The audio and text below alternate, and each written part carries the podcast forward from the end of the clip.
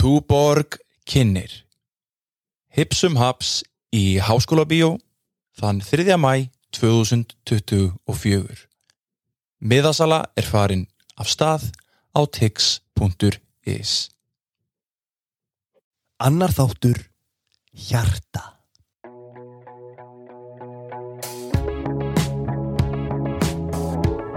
Við fannar fengum til okkar góðan gest til að ræða hinn ímsu hjartans mál. Hjarta Tómas Guðbjartsson. Að eigin sögn er hann kallaður eh, Tómt Mas Guðbjartsson. Tómt Mas! Við fengum svo sannlega að kynast í þegar við mösum um hjartagallarnas fannars, sænskan jazz, fiðluleik, Bubba Mortens og fleiri fullkomlega eðlilega hluti. Mestum tíma vörðum við þó í líðheilsumál og náttúruvernd. Við þrýr sérfræðingar masandi. Viðtalið var tekið upp um miðan oktober 2023. Gjör þið svo vel. Hérna, en ég sem sagt náttúran bara hefur alltaf höfða rosalega með pappi minni jarfræðingur þegar ég var badd þá ferðuðist við rosalega mikið því að pappi var að kenna í MR og mamma var að kenna í Verslu og þau fengu langt frí og pappi var alltaf að vinna sem leiðsumar og sumrin með fólkinu hálendi og jarfræði ferði mikið. Þannig að bara sem smá patti þá var maður í rútu eða jeppa einhvers stór upp á hálendi og maður drakkið í þessu og síðan þegar ég er tvítur og kunni þá þísku hafði við búið aðeins í Þískalandi og talaði þísku og sett, þekkti anatómi á hálendi sinns alveg út og inn þá var ég bara settur í framsættið með mikrofón og látin fara á stað og var mikið með fólku úr öllbónum og allra þjóðakvikindi eins og maður segir. Og þá vann ég með þetta meðfram læknanámi og þá var ást mín á hálöndinu ennþá sterkari og var sett að klífa þessi fjöll á Íslandi og jökla og svona. Og síðan fer ég í mitt sérnám til Svíþjóðar er í burtu í næstu 12 ár og fer til bandaríkinn líka. Og þegar ég kem aftur þá er bara skollið á svona þetta svona æði á Íslandi, fjallgöngu æði hjá einmitt mörgum kollegum mínum og hjúkunarfræðingum og fleiri og þá var ég svona sjanghæður í það að fara sem farastjóri með þá Íslandika að ég þekkti það vel til og, og það var bara mjög gaman og við stopnum hana samtök sem heita FÍBL, félag íslenska fjallalegna og voru mjög aktífur í því og og þá byrjar þessi barata svona svolítið að maður fyrir að sjá þú veist hvernig orkufyrirtækin og fleiri er alltaf að færa sér upp á skafti því þetta með virkjanir herra og herra uppi og fórn á fossum og allt þetta. Og ég misti því þetta að káranhjúkum að því ég var ellendis í sérnami og einhvern veginn svona pínu skammast mér fyrir það að hafa ekki beitt með meira þar. Og hafði farið sér inn inn á þetta hálendi áður en að þessu var sögt og ég til dæmis sá Sigur Ós spila live og unplugged í Snæfellskála til þess að mótmæla þessu og var svona svolítið á kantinum hafði sterkar skoðana og sem tók ekki þátt í þessu sjálfur og síðan fór það eins og það fór. Og einhvern veginn ég ákvað það að þetta til þess að líða betur sjálfum þá myndi ég taka meiri þátt í þessu. Og þannig var það til þess að ég fóllum sinni stjórn ferðarfélagsins þar sem ég verið í rúm mann áratug og hef verið mjög aktífur því að, að byrta greinar. Og byrjaði svona pent, ég hef skrifað næstu 200 greinar í fréttablaðið um staði á hálendinu með félaga mínum Ólaðum á Björsinni og þá erum við að kynna því þetta svona náttúruperlur sem að eru svolítið á, á, undir fallagsinni eða og eru óþekktar ekki svona þessar klassísku túrista uh, náttúruperlur heldur. Oft á staði sem að stendur til að virka eða eitthvað að herðu, eru við nú vissum þetta? Þetta er nú svolítið flott hérna sko. Og við, þannig að það hefur verið markmið hjá mér og ólægum á fleirum að þetta að gefa svæðum sem að eigundur höggasækja og eru kannski ekki því þetta með mikið að lags í ánum eða eitthvað svona, það, það er ekki einhver stór hópur sem er að venda viðkomandi svæði og gefa því svæði andlit og, og það, gerðum við til dæmis á ströndum e, ófegsfyrði og svona það sem ennþá verið að berjast um kvalá fóru á svæði, tókum rosalega flotta myndi tókum raksa með og fleiri og byrtu myndirnar á netinu, gáum út datal og leifum öllum fjölmjölum því að nota myndirnar endurkjárslaust það, það var aðalatrið En hvernig upplifuru svona samband þjóðarinnar við náttúruna? Hvernig finnst þér staða þess sambands vera? Það mætti vera miklu meiri og ég held að stórluta vandamálin eins og Guðmundur Ólason saði hérna á sín tíma að að þú veist þú, þér þykir ekki vænt um eitthvað nema þú þekkir það. Og það er stóra vandamálið að það er svo margi sem hafi ekki farið upp á sprengi sem þegar upp, fengja upplöðið eins og ég fekk með mínum foreldrum. Mér finnst þér svo margt sko það er svona strax véfengt virði náttúrunar alltaf já, um leið. Það er svona þú veist kannski svona önnur hliðin á teiningnum mm. neða á peningnum segi að, að hérna það svona strax sett sér svona í svona stellingar með það eins og þetta skiptingu máli. Og já þetta sé svona fyrir ykkur að hugsuði bara þetta eins og listamenn að gætna að tala svona niður að því að listafólk ekki satt sækir oft orkuna í einhver svona eins og náttúruna hennar já, þetta sé eitthvað svona þetta sé eitthvað svona soft þetta sé eitthvað svona of left field í pólitík eða er einhver að- en, þetta er ómælanlegt líka einhvern veginn. Þetta er ómælanlegt það sem við erum að tala um. Veist, virði náttúrunar þú getur ekki sett þetta inn í Excel-skjál og sett þetta á móti megavöttum eða einhverju skilur sem að er hinum einn Já. nei, nákvæmlega. þetta er svona huglægara. Og mér finnst þetta áhugavert líka sko að því þú ert að tala um að leiðin til þess að berjast gegn þessu er einhvers konar aðgengisaukning sem að samt einhvern veginn að því við höfum fengið að kynast í núna á seinustu mánuðum og árum að aukið aðgengi þýðir líka að bara maður hugsa um hérna þessar klassísku náttúruperlur, bara hvernig staðan á þeim er núna. Veist, ef við aukum aðgengið að þessum náttúruperlum upp á hálendi og Mm. eitthvað svoleiðis, þá er það líka einhvern veginn hættulegt. Algjörlega, ég er svo sammálaður í þessu sko, við eigum sko næstu 40% af ósnortnum viðurnum í Evrópu, við Íslendingar sitjum á þeim núna og þetta er bara eins og Stalingrad svolítið núna því að þessi orkufyrirtæki á Íslandi eru auðvitað að sækja sér meira og meira orku fyrir stóriðu við notum 80% af rafmagnin okkar í, í stóri 70% til alvera og 10% til viðbótar í, í kísiliði og svona. Og þetta er held ég það sem að ungu Íslendingum eins og ykkar kynslu og svona þeir setja spurningamerki við þetta þó að þetta hafi kannski verið sniðut upp á 1960 þegar við liðum bara á fiskveðum ég veit ekki alveg að Strömsvík kom með nýja vinda þar en, en alveg klárlega ekki að bæta í þarna og þetta er líka mengandi og það verið að flytja báksiti ráalumínium skilji frá Ástralíu og Suður-Ameríku yfir hálfa nöttin til að búa til ráal hérna og eða, eða svo- svona grófin áli og senda svo aftur úr landi eitthvað annað, þetta bara er koncept sem að gengur ekki upp og, og hérna, ég segi stundum sko, ég hef nú verið með svona TED fyrirlestur sem að heiti Hjarta Íslands, ég nota þetta mikið í minni baratu að ég sé hjartalæknir og, og líki hálendinu við hjarta landsins og allt þetta. Og það heitir The Heart of Iceland. Does the Heart of Iceland need acute care hef ég verið með TED fyrirlestur um. Og, og, og hérna sem að hefur vakið svona aðtekli erlendis líka þá halda allir ég sé að fara að tala um hjartaskurðagerir en, en gerir það aðeins en fer svo yfir í náttúruna og þessa baratu og, og ég stend alveg við þetta veist, þetta er svolítið eins og ólja í, óljan í Houston eða í Alaska þetta er hérna vatni er svona okkar öðlind og hún er líka öðlind þetta að fá að renna í, í gegnum fallega fossa til sjáar þó að Bjarni Beintinsson hafi sagt að vatna eigi ekki að renna og virkja til sjáar þá er ég bara algjörlega ósámála en, en sko varandi hitt þá hef ég bara rosalega trú á Íslandingum og sérstaklega unga fólkinu á Íslandi sem að hefur eins og þú hefur búið í árásum og svona þú hefur kynst svona fengið aðeins víðari heimsmynd á því að búa ellendis og sér hlutina með aðeins svona öðrum glerugum og það, þarna liggja möguleikanur og ég hef alltaf sagt að listafólk til þessu Íslandi hefur svo miklu, miklu betri skilning á náttúrunni og aflunni í henni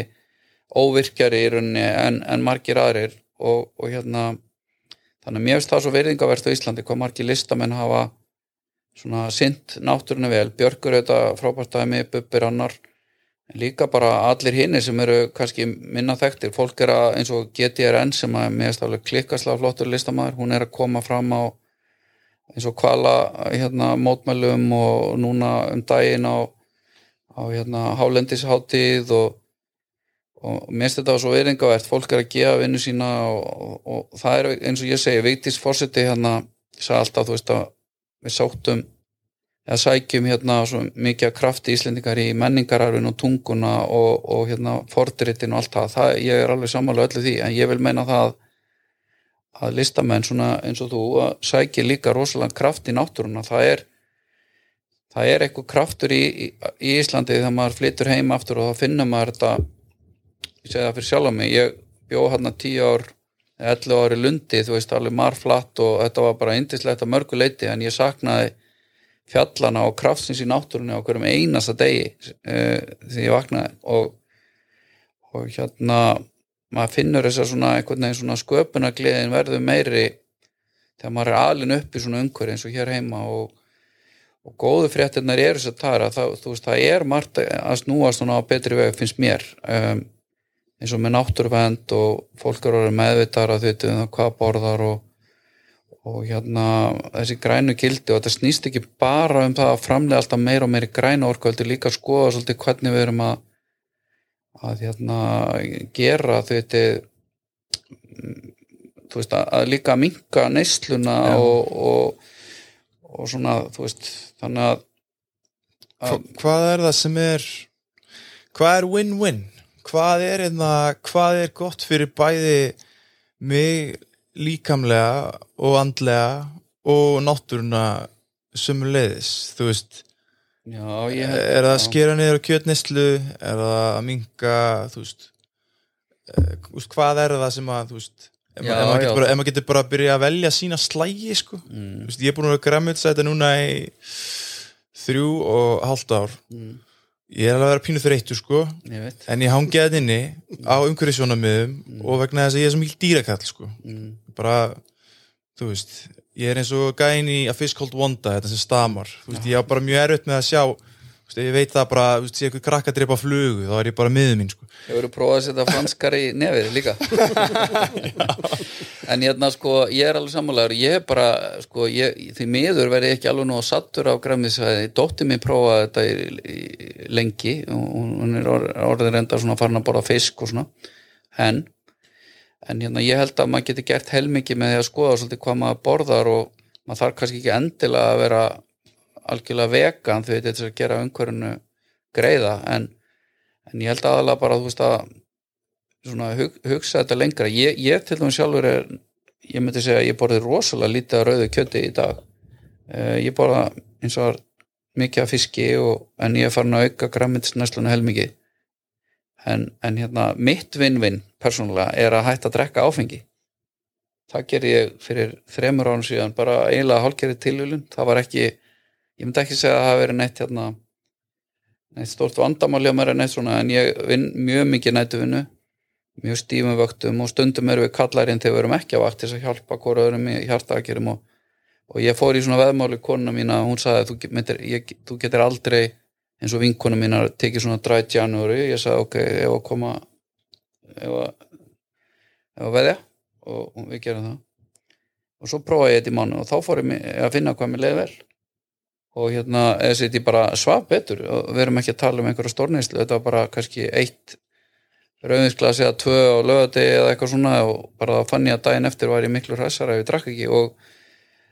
og ég er ekki neinu svona þörf fyrir að búða fagnaðarendi en fólk er alltaf að spyrja með þessu og náttúrulega gerir grína mér sko, húsið mitt fyrir vestan er kallað þurrabúðin og svona. En, en hérna og það, þetta er staðarendi sem með dóttur minni líka og börnum mín, þau drekka nánast ekki áfengi og þetta er bara orðið daldið algengur lífstil í dag á Íslandi og er svolítið viðbreyns og því þú ert nú búin að búa í árásum. Það er mikið svona áfengiskultur í Danmörku en það meira enn á Íslandi og, og hérna og þannig að þú veist það er svo margt svona sem að maður það líka bara að prófa sjálfur og, og hérna það er miklu fín tjúnaðri drikkjumenning í Danmörku? Já, já. Já. mér finnst það sko Svona um, meira funksjónal. Við erum svo Já, rosalega mikið en, túrafólk. en það er líka bara kannski, þú veist, það er svona menningaleg uh, svona hraðin er annar, þú veist, hérna er, leiður komin bíl, komin enga bíl, þá getur þú drekklaði dagskrániðinni, því að þú veist, fólk gerir bara ráð fyrir að þú getur keirt fram og tilbaka fimm mínútur hér og þanga, þú veist, það er kannski gert meira ráð fyrir tafatíma og samgöngum að komast frá A til B og láta hluti kannski bara veist, næja í dagskráni í staðan fyrir að drekk hlaðana okkur þú veist uh, ykkur dóti. Og, hérna, þú veist, ég held bara að áfengi ofan á svona kerslu uh, hverstasins hérna sé ekkert svakalega sniðu sko. Næ, þetta er alveg, og við erum auðvitað í þessu svo kallar alkoholbelti, skiljið, það er norður Finnland og Noregur og Ísland og svona það sem að bara áfengi fer illa í fólk, skiljið, og eins og þú sagðir, túra fólk það er talað um það 10% af fólki á Íslandi séu alkoholistar og þá skilgrinni við að þannig svona frekar streikt skilgrinning sko að, að þú veist, þú, þú missir að einni að tóta á vinnu í mánu vegna drikju, þú veist, eða það hafi áhrif á þína, þína afkosti vinninu og svona. Og en þetta er alveg stort vandamál og þetta er náttúrulega ennþá stærra vandamál eða komið til Grellands og það er náttúrulega bara staðrenda svona lífræðilega að grælendingar og indjánar og svona þóla áfengi miklu verð, þeir eru ekki með e, þennan alkohol dehydrogenasa sem að brítur á, áfengi niður í sama mæli og við. Og þannig að þeir verða undir miklu meiri áhrifum af áfengi. Og þannig að þú veist þannig að það skiptir svolítið máli hvar maður er fættur og hvar maður býr á nettinum uh, upp á það hversu vel þetta þólist en það er ekki spurning eins og ég er svo samanlegaður að þessi samfélagslega áhrif á áfengi á Íslandi eru gríðaleg og, og hérna og í dag eru við að horfa upp á það því að það er fólk svona, kannski stærsta vandamálið er ekki síst þetta er fólk sem er að sulla þetta er þessum beljum þú veist, fólk sem er komið á ellilíferi og er að sulla í víni alla dag og getur ekki sopa aðnaböndin á leikskólana því að það er alltaf í glasi sko. Og hérna þannig að Hérna... En finnst þér þetta pæl að því þú ert inn, inn, inn á þessu svæði sko, er einhver svona er einhver svona stór trend sem að þú sérði í heilsu Íslendinga? Þú veist að því að við höfum tekið uh, undanfætnum árum áratögum alls konar herrferðir, þú talaði um að vera næstu búin að útrýma reykingum. Offita var rosalega mikið talað um fyrir kannski 15 árum eða 10 árum eitthvað svo leiðis, eru við raunverulega að gera betur, eru við á réttri leið? Að því þú svo jákvæður eitthvað En það, þetta er bara frábár spurning og bara takk fyrir að spurja vegna þess að mér langar svo þess að tala um þetta en, en hérna sko eins og reykingarnar, ég er mjög aktífur þar, það er bara gegja þar. Við erum komin nýri 6% fullorðan sem reykja á Íslandi, það er heimsmet sem við deilum með svíum og þeir svindla því þeir eru notið svo mikið að myndabaki. Við erum reyndar svolítið það líka því miður en ekki eins mikið. Þannig að það er á réttir leið og, og við gætu náðu þessu núna að verða fyrsta land í heiminu sem næri undir 5% og þá skilgrinir alþjóða helbyrjastofnunum það sé reglust land ef maður nærið undir 5% en við þurfum að fókusera meira á nýbúana. Þeir eru bísna margir á Íslandi sem betur fer, það er svona fjölgaflórun á Íslandi en þeir reykja ómikið eins og er gert í heimalöndu þeirra og þarna þurfum við að bæta okkur. Þannig að reykingarna er ekki við erum ekki búin að leysa vandamálið en við þurfum að einblýna á unglingarna sem eru að nota veip og sérstaklega mundtóbak núna setni árin í allt og miklu mæli og þannig að vera að ala upp neikotinista og það getur verið hættilegt síðar þegar það er núna bara nýlegar írskaransvon sem sýnir það að þeir sem að byrja að veipa ungir að nota myndabaka þeir fara að reykja síðar. Þannig að við þurfum að passa að missa okkur ekki gleðinni þarna. Okay. hvað var það háþristing og blóðfyttur og allt þetta eru við búin að gera gríðalega góða hluti. Þarna skiptir mest máli svona líðhelsusjóna með þú veist við hefum borðað hotlari mat, minni salt í matin meira grammeti þannig að við erum búin að ná stórkoslegum árangri þarna og, og tíðinni hjarta áfalla hefur minga dramatíst á Íslandi. Því að við vorum með þeim hæst í heiminum. Við erum svona bara konir á ágættisról þar. En þar sem að við erum að ekki að standa okkur vel, það er offitan. Og það er eitthvað sem að eiginlega engin læknir þor lengur að tala um ofinbeglega vegna þess að ef maður tjáði sig um þetta, að þetta sé of, ofittu að maður tjáu sig um þetta ofittu vandamál þá er maður púaður niður að maður fara á sig svona öldu á fólki sem maður segir að maður sé uh, að, að hérna líkamsmána. Já, líkamsmána fólk og, og, og, maður, og það er alls ekki hérna málið. Ég veit alveg að þetta er viðkvæmt en við verðum að tala um, við verðum að tala um það í dag að við eigum einhver feitustu börn í Európu þegar ég var strákur og var í skólasundi þá var kannski einna tveir sem voru svona feitir í, í, í, í strákaklefunum og það var svolítið gert grína þeim sem var slæmt. En hinnir voru að- að- allir svona eðlum holdum í dag að því ég er nú mikið að synda þá er þetta öfugt, þá eru eiginlega flestir í holdum eða svona skvapaðir og það er einn eða tveir sem er eðlilegir að sjá, þetta er bara svona óvísindileg gróf statistík. En þegar ég var læknanemi þá sá ég aldrei bann með típu 2 diabetes eða sett, hérna, sigursíkja gerð 2 aldrei, það er svona áfittu í dag er þetta bara orðin heil göngudelt sem að sinni þessu. Alvegni og, og hérna, já, þetta er gríðalegt vandamál og, og málið er þetta. Þessi frábæra árangur sem ég var að segja ykkur áðan sem við erum búin að ná og ná þessu niður ef að við förum ekki að taka okkur á í ofitinu þá er hættu því að að við missum þennan árangur sagt, uh, þetta, eru skíin sem eru á himninu núna. Já. þannig að þetta er eitt. Þessi fylgir hérta vandamál síðar. Já, já, og, og hérna hitt stóra svona líðhelsu vandamáli sem ég sé fyrir utan að því við tölum að sem áfengi á þann, ég held að við séum að, að ná ákveðnum árangu þar reyndar. Að það er þetta unga fólk sem að er að ánýttjast hérna eiturlegum og sérstaklega þessum sterku verkilegum er að sækja kannski í einhverja gamla pakka frá ömmu og afa sem að farið í einhverja aðgerð og eiga uh, byrðir inn í lifaskap þannig að við erum að bregðast við þessu læknandi með því að ávisa miklu minna af þessu reyna að útskrifa ekki sjúklinga á þessum sterkulegum og ef við þurfum að gera það þá bara mjög litla skamta þannig að þetta sé ekki liggjandinn í hillu. Því að þú veist, fólk er bara að selja þetta á, á, á markaði nýri bæ sko. Og þannig að þetta er vandamál sem við verðum að horfast auðvið því að við séð þessar heimildamindir já, og Netflix og í, í sjónvarpinu BBC og svona sem er að það eru bara heilu drauga borgirnar í bandaríkjunum núna. Þú nefnir hérna ábyrð lækna í rauninni í þessu að, að skrifa min- minni, skrifa sjaldnar upp á þetta eða allavega að reyna að hafa þá meiri sem afarkost heldur en einhvað, standard practice. Já, en er, er það líkilatrið í lausninni fyrir þér? Að, rauninni, að, að það sé um leið og skerð niður hérna, aðgengið að þá, þá ætti þetta að leysa sig sjálft. Eða, því ég hugsa þetta líka út frá því að það er einhver ástæða fyrir því að þessi krakkar vilja deyfa sig Já, með þessum hætti. Þannig líður ekki vel. Nei, veist, það, það, er, það er tvíþætt þetta er, þetta er ekki bara kannski það þetta er líka að hérna, reyna kannski að fara í rótina frekar heldur en symptomið Þetta er auðvitað samfélags vandamál bara hvað mörgu ungu fólki líður ítla við, þetta er búið um, umræðinu undanfari og þá auðvitað skiljanlega er fólk að deyja sig annarkvort með áfengi eða einhverju og, og það er málið eins og með oxykotin og svona, þetta var náttúrulega eins og munið markasett á sín tíma sem frábært verkjalif og þetta væri ekki áhennabindandi og, og, og, og hérna það er nú heldur betur búið að, að leiðrétta það en það er því miður svolítið seint. En við læknar berum mikla ábyrgð og við byrjum ábyrgð á því til þess að fræða fólk og segja við heyrðu, þú ert að fara heim ég ætla að láta þið fá þetta nokkur töflur reyndu að, að stýra nótkunni hófa því mörgun líður illa líka eftir aðgerir og þeir finna það þegar þeir taka lifið að kannski slæðir hans og kvíðan tímabundi og maður verður að, að upplýsa fólk um það að það sé eðlilegt að líða illa og kannski ekki grípa til livsins sem slíks til þess að deyfa sársökan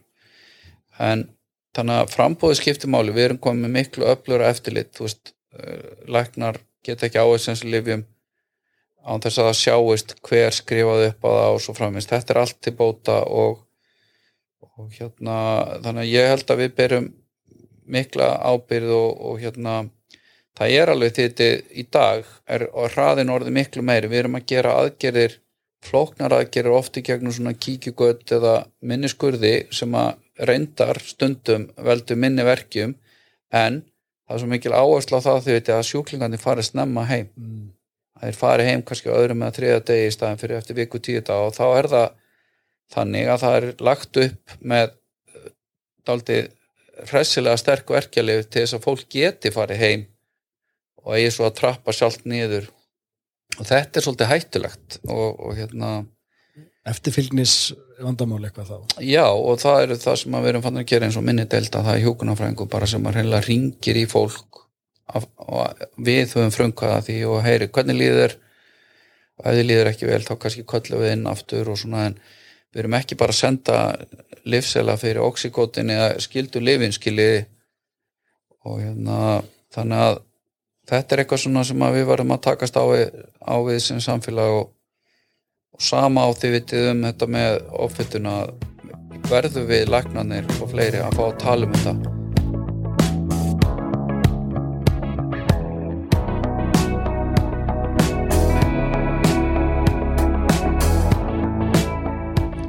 ég er að pæla þegar mér langar svo ógeðslega að vita er ekkert að deyja ára ástasorg Já, ég hef nú fengið þessa spurningu mjög oft sko og það er til hjarta sjúdómu sem heitir Broken Heart Syndrome. Og e, það, það er þannig að og það er búið að lýsa þessum sjúdómi hann á, á sig með þess að japanst heiti. Og þá er talið að myndi svona einhvers svona hormón í, blóðinu sem að draga hjarta saman uh, svona miðbyggi þannig að hjarta fær svona daldi sérstaklega lögun á myndran svona að þú gerir uh, hérna myndran svona af hjartanu í svona kasti. Þetta eru svona oftast konur og þær koma inn með brjóstörk og maður heldur fyrst að það sé með hjarta áfall og þær fari í þræðingu og þá kemur í ljós að kransatnir er alveg eðlilegar. En hjartað er svona eins og dreigið saman um miðun og þetta líkist svona, svona, svona krabbagildru svona japanskri e, krabbagildru og ég ofta er upp með að muna eða sérst, bera þetta fram, na, na, fram sko að ta, takibu suko eitthvað leis minnum mig, það slemt að mér að muna ekki nafnið en, en broken heart syndrome og við fáum alveg slatta á svona sjúklingum á hjartadeildinu upp á landsbytila og þessu var líst, þú veist, hjá konum sem að voru mitt í undir miklu andlu álægi og þetta getur gerst í vinnu en, en það eru allmargi bladamenn búin að ringi mig og, og enn meira í hjartalækna kollega minna upp á spítala til þess að bera þetta undur á. Og eins og þú veist, ástasorg þá náttúrulega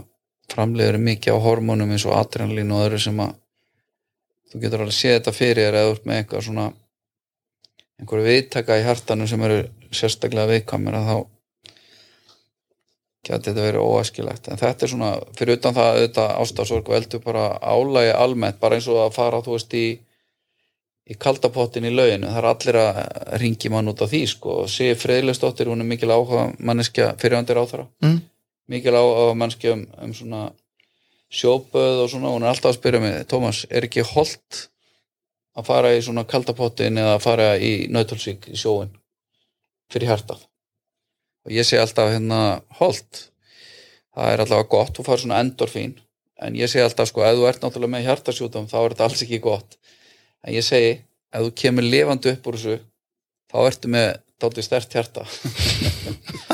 Þetta er ókipis álagspróf og hérna, ég myndi aldrei mæla með því við sjúkling sem væri með þrengsli í kransaðum að fara í kaldapottin í í hérna lögunum eða í nautalsvík að þetta er þannig að það myndar þá blóra sinn æðarnar, þú veist, draga saman við kuldan og þá keirir hjarta svolítið á vegg, það þarf að dæla sér út í miklu þrengra æðakerfi og þetta verður mikið ála á hjarta en þannig að þetta er kannski ekki beint gott fyrir hjartað en þetta er alveg klálega svona endorfín og fólk fær rosalega mikið kikk út úr þessu og eflaust getur þetta þessi velliðan svona stöla því að þið líður andlega betur og þannig er ekki neina vafa með það. En hvernig er það, þú veist eh, einstaklingur í ástasorg ef þú lítur svona bara anatomist á það bara hvað er í gangi í hérna, skroknum mm. uh, þú veist, þetta er náttúrulega ástand sem að kannski flesti kjósa að hætti sem fyrst og endi sem fyrst uh, þú veist, er eitthvað sem að getur hérna, ég oft heyrt um það sko að þessi að þessi gott að borða kvönn Já. Ég er endar aldrei heyrt það. e- eiga á fólki ástafsvöld bara að vera að drekka bara kvannar te og bara svona til þess að flýta batanum Er þetta eitthvað gammalt íslenskt ráð, mennar Ja, sko, það er fullorinn maður í, í Rísei sem heitir Björgvin uh, hann er að bara að verða 100 ára gammal og hann hefur alltaf sett kvönn út á hérna, súrmjölkinu á mótnana. Og það er alltaf mikið kvönn í hérna einmitt. í Rísei og hérna, hann vil meina og Siggi læknir líka sem á húsi í Rísei vil meina að þetta sé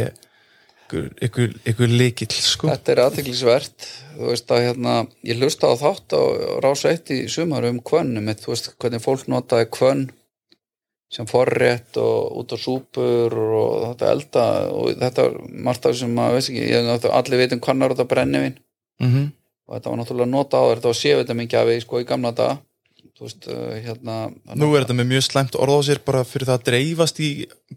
á milli Já. veist, út með einbýlishús og vex kvönn og einum stað að þá flýgur hún er bara svo falleg kvennin eða þú ert á er hotströndum sko. þetta er alveg, það eru mannhaðar háar hann kvenninnar á hotströndum en mér er alltaf þótt væntum hana og, það er góð lykt af henni og, og hérna heitir þessu fallega nafni Angelika þú veist á, á latinu sko. En ég veit ekki með þetta með ástasorgina ég hef aldrei prófað þetta eh, en, en hérna En hvernig, hvaðan heldur þetta komi bara svona, þetta er svona daðra við heimsbyggina þessi svona tenging bara upprunlega, bara hjartans hjartans mál og að hjartað sé ástar veist, staðurinn sem við elskum á Það er Bara bara, hérna- frábær spurningu. Ég held að sé að út af því að þegar þú elskar eða þú verið ástongin eða í ástasor þá finnur þú svo fyrir hjartana því að, að það er þá adrenalín að fara í líkamann og þessi svona hvetjandi hormón og þá finnur þú púlsina, heyrir í púlsinu næstu því sko. Þannig ég held að það sé málið að, að slæð hraðar já, og, þú ert undir svona andlega álægi og, og hérna og, og, og það, eins og eins og þið viti bara, þú veist, ég menna vikingarnir og fleiri heldur náttúrulega hjarta væri svona aðal líffærið, það var ekki fyrir að að menn áttu sig á heilanu löngu setna, ég segi nú alltaf að heila skularinn á spítala, ég menna ef þið fyrir ekki að fá blóðið frá mér hann í hjartanu þá væri náttúrulega heilin ekki að virka. En, en þeir segja þá í staðinu ok, hérna að hjarta sem dælir án heila nú ekki mikilsverði uh, allavega upp á lífsgæði. En þannig að við erum alltaf í pissukefni sko upp á spítala. Hver sé í, í, í hérna mikilvægasta starfinu sko, hvort að maður sé að laga heilan eða og hérna, en það er svona bara í gríni. En, en hérna, en þetta er bara mjög merkilegt, en ég er sett mjög oft búin að fá svo spurningu með með ástasorgina. Og ennþá oftar þetta með hvort það sé holdt að fara í í, í kaldan sjó eða, eða vatn og ég hérna ég var að, ég var að leysa af ég var að hérna, afleysingakennari í Altanesskóla og var að kenna áttundabekk hérna uh, bara, kom bara blind inn í kennslu bara gauti veikur og ég átti að kenna hérna kapla í mannslíkamannum sem var kynfræsla og hérna því ég var spurður bara ein spurning í bókinni og ég var spurður svo einlægt af einum dreng bara hvernig líður manni þegar maður er ástfangin Mhm. og ég svaraði bara um ömurlega. Og hérna svo, svo sagði ég eitthvað, nei, joke eitthvað hérna, sagði, svo hérna þannig nefandi að hann bara svona bjallar hringdi og hann skildi blaði eftir á borðinu og segi bara spurning þrjú, bara punktur svar, ömurlega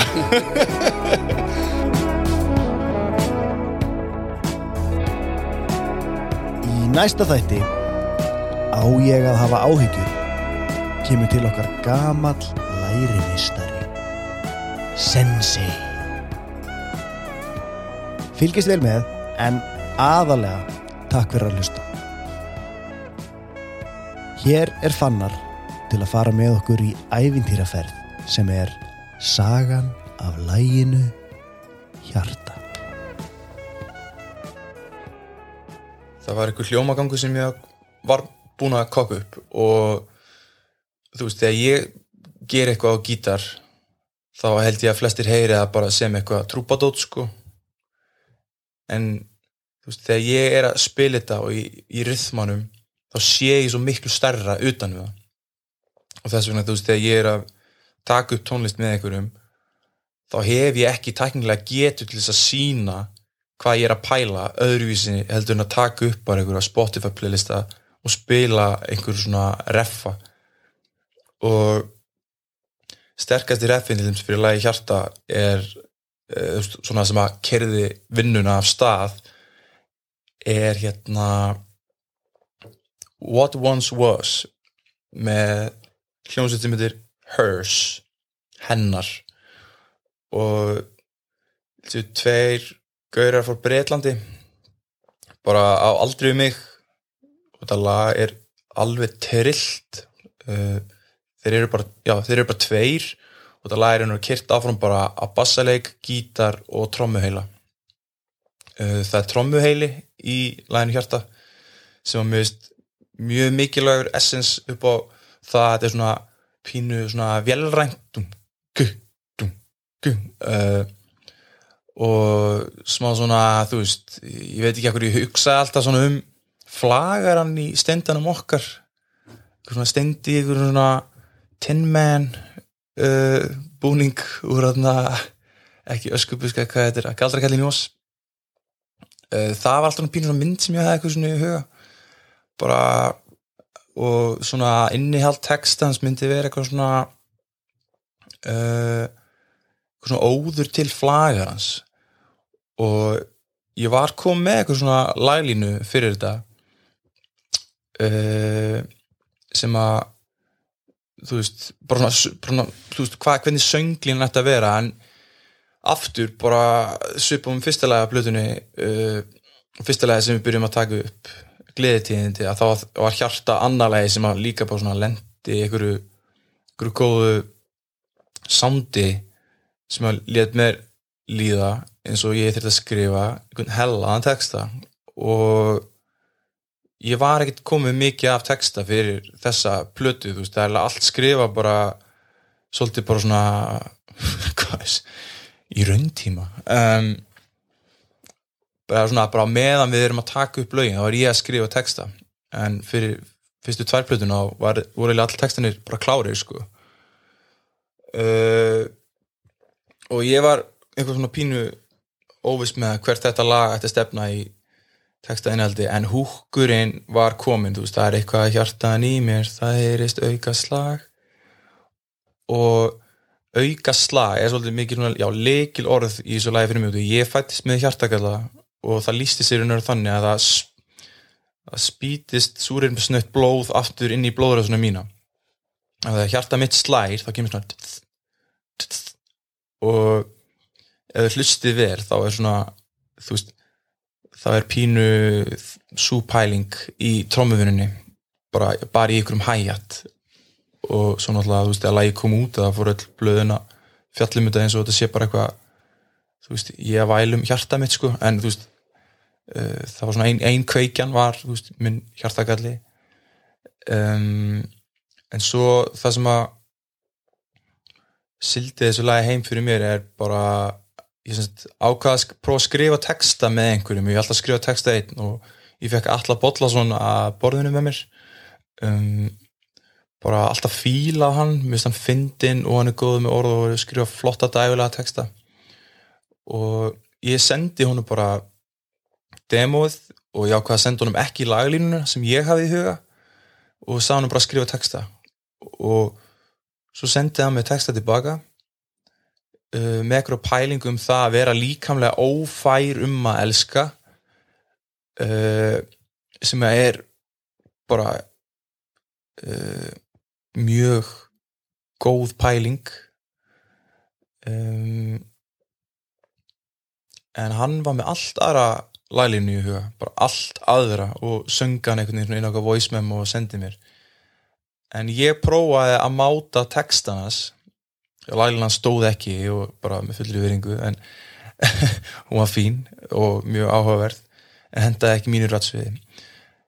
en ég tók textan sem að skrifa og ég setti inn í bara minn hrinnjanda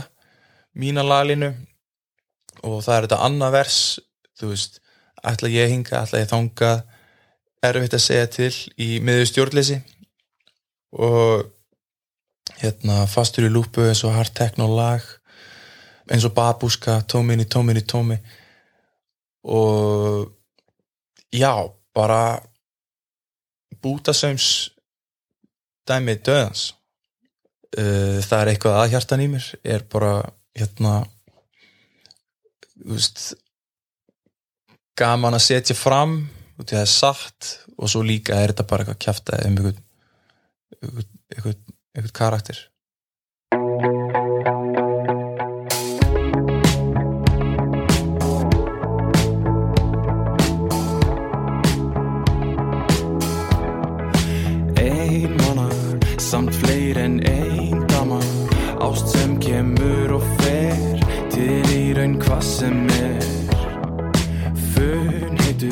sambönd er mitt eitur. Sest vel á samskiptum. Til raunir gang ekki Sem er hvað það er sem ég get lagað. Því það er eitthvað sem að ég eyði lagt. Jarðaður að eðal kvendi. Skrifa smá skilabóð Teka mér mynd og sendi. Það er eitthvað hjartan í mér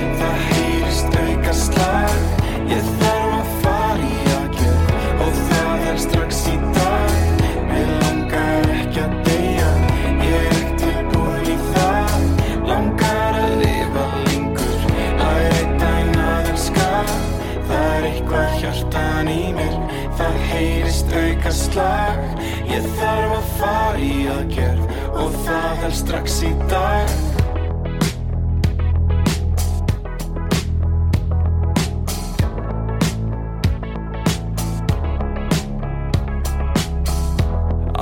ég hingað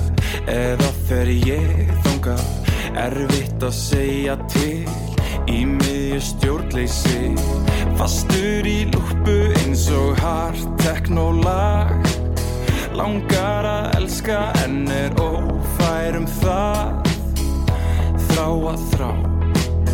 Langar að langa. Ég er eins og babúska. Tóminn í tóminn í tóminn Það er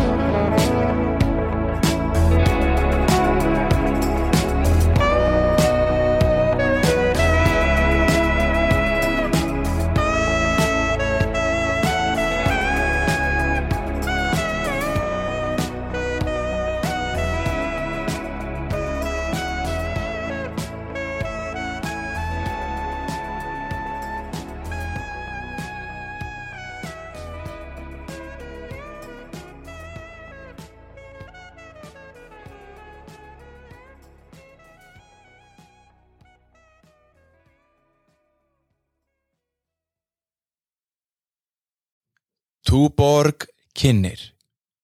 Hipsum Haps í Háskóla Bíó þann 3. mæ 2024 Miðasala er farin af stað á tix.is